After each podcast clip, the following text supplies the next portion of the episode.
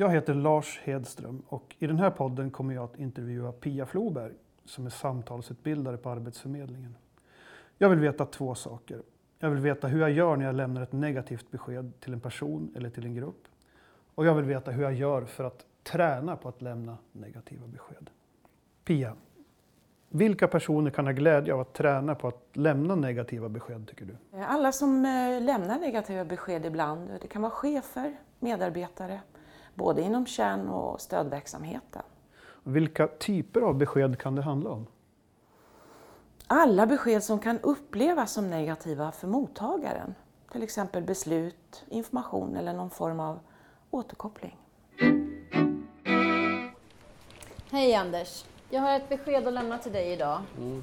Och det är så att du kommer inte att kunna gå den utbildningen som du ville. Men, men ni lovar ju! Vad är det viktigaste att tänka på när man ska lämna ett negativt besked? Ja, det viktigaste att tänka på är mottagarperspektivet. Att, ja, att det känns bekvämt för mottagaren helt enkelt och att du är tydlig eh, när du lämnar beskedet. Och tiden och platsen är viktig också att tänka på. Hej Patrik! Hej! Du har en viktig sak att ta upp med dig, men eh, jag har inte tid just nu utan vi får ta det på måndag istället. Men du, ha en trevlig helg. Ja. Det som vi hörde nyss kanske inte var så bra. Nej, det finns bättre sätt. Vilka tankar sätts igång hos Patrik och vad bär han runt på hela helgen kan man undra. Mm. Hur skulle chefen ha gjort istället då? Ja, eh, om det finns möjlighet så är det bra om chefen hade förberett och bokat ett möte. Gärna tidigt i veckan. Eh, men också kanske funderat lite på vad beskedet innebär för Patrik. Och kanske också vara beredd på att svara på frågor. Mm. Så tid, plats och förberedelse är viktigt. Men finns det någonting annat som du anser är viktigt att tänka på? Ja, när du väl sitter i samtalet ska lämna ett negativt besked så, så kan det vara bra att du förvarnar och gör personen mentalt förberedd på att det ska komma ett negativt besked. Du kan säga det. Jag kommer att lämna ett negativt besked till dig eller ja, det jag säger till dig nu kanske du kommer reagera på. Det finns olika mm. sätt att förvarna. Men sen också att du är väldigt tydlig när du lämnar beskedet så att det inte blir några missförstånd. Mm. Men om jag inte har tid alls att förbereda mig, alltså det, det, dyker upp en situation på en gång? Ja, då får du ändå faktiskt ge dig själv en kort stund och fundera på hur du kan säga beskedet på ett tydligt sätt. Och är ni på en allmän plats så kan du också tänka på att ta personen åt sidan så att ingen överhör vad ni mm. pratar om. Mm. Eh, och sen också att du antingen eh, stannar kvar med personen lite extra för att ge tid för reflektion hos personen. Eller att ni bokar en tid, helst samma dag om det går. På en gång, ja. Mm. Jag kan tänka mig att det här är särskilt svårt i möte med människor som lätt hamnar i affekt, eller? Ja, det kan ju upplevas lite svårare då när man vet att en person kommer reagera starkt. Det, det är ju normal känsla. Eh, och det är, ja, det är ju bara att komma ihåg att det inte handlar om dig personligen. Utan det handlar om att personen hanterar sin egen känsla. Och respektera det om du, om du kan. Men vad gör jag då om det kommer en stark reaktion från den här personen? Ja, det, du kan göra, det bästa du kan göra är ju att du behåller ditt lugn och att du väntar in personen. Du kan ju visa med kroppsspråket att du bekräftar känslan, att, att du lyssnar och du ser personen. Mm. Du kan spegla personen om det är så, att säga att jag ser att du är upprörd och det är förståeligt, du känner så. Mm. Eh, när du säger spegling, då finns det några nackdelar, baksidor med, med spegling? Ja, det ska ju alltid vara ett gott syfte med att du speglar. Det ska ju inte vara för att, liksom, utan eh, om du vill göra personen medveten om eh, vaga känslor hos personen själv eller att du vill bekräfta känslan. Om personen reagerar otroligt starkt så då finns det ingen anledning att spegla. Mm. Men om personen då inte säger någonting utan bara sitter där och ser deppig ut?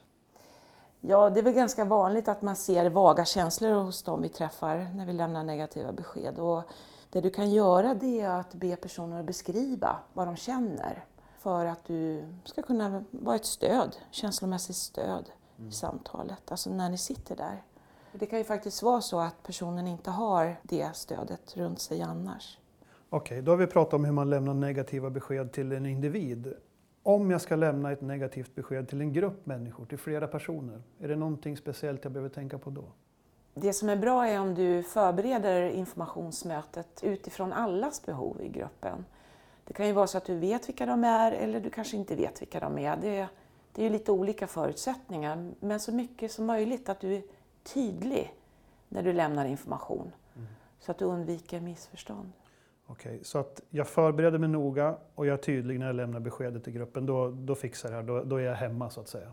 Ja, det som också är bra att tänka på är att eh, kanske skapa plats för deltagarna att diskutera och ventilera sina känslor och det kan du göra genom att dela upp dem i, i mindre grupper så de kan prata med varandra. Och eh, vill ni så kan ni ju träffas i stor grupp igen om det finns eh, ytterligare frågor. Det som är viktigt är att du skapar tid i din kalender för individuella samtal om det är någon som önskar prata mer enskilt med dig. Just det. Finns det några situationer, undrar jag, då det är bättre att meddela negativa saker skriftligt istället för muntligt? Och vad kan det då vara för situationer som det är så? Ja, jag svarar ju generellt nej på den frågan. Det är alltid bättre att säga ansikte mot ansikte eller över telefon. Eh, Det kan ju vara så att du har svar på de frågor som personen behöver ställa. Eh, Det kan ju också vara så att du får stötta också känslomässigt. Men vi är ju en myndighet och det går ju iväg sådana här um, automatiska beslut, e-brev och sånt som går direkt. De kan ju upplevas som negativa besked. Hur hanterar vi dem? När man väntar på ett beslut så vet man att det kan bli positivt och negativt. Oftast innan. Och eh, om man då får ett negativt besked i ett sånt här brev så har man information i brevet vart man kan vända sig om man behöver prata mer eller har frågor kring det. Okej, men om jag försöker sammanfatta det du har berättat om vad som är viktigt kring det här. Så tänker jag så här att eh, förberedelse, det har du sagt flera gånger, det är viktigt. Både min egen förberedelse och att personen får förbereda sig. Jag förvarnar innan beskedet kommer. Jag levererar beskedet på ett tydligt sätt så att det inte blir några missförstånd. Eh, jag lämnar tid för känslor hos mottagaren. Eh, jag erbjuder alternativ, stöd, eventuellt ny planering eh, till den här personen. Och därefter då när vi har gjort det här så summerar vi tillsammans. Vi bokar en ny tid för samtal om, om det finns behov av det. Utöver det, finns det någonting mer som jag måste tänka på? Ja, det som kan vara bra att tänka på är ju faktiskt att du eh, eh, har bokat in egen tid för reflektion också. Det kan ju behövas. Det beror ju på digniteten på situationen såklart. Om man behöver träna på alla de här sakerna, hur, hur går jag tillväga då? Jag tänker så här, om du vill träna så kan du förbereda dig genom att eh, fundera på sakfrågan. Vad är det du ska säga i mötet? Du kan skriva ner det på ett papper. Du kan också testa med en kollega om det är tydligt beskrivet. Ehm, ja, du kanske tar med dig lite fakta också utifrån frågor som kan komma. Eh, alternativa lösningar är alltid bra om det behövs. Det kanske inte alltid behövs. Och sen reflektera efteråt. Vad var det som hände i mötet? Ge dig själv återkoppling. Okej Pia, eh, jag får tacka för dina svar. Mm, tack för att du frågar Lars.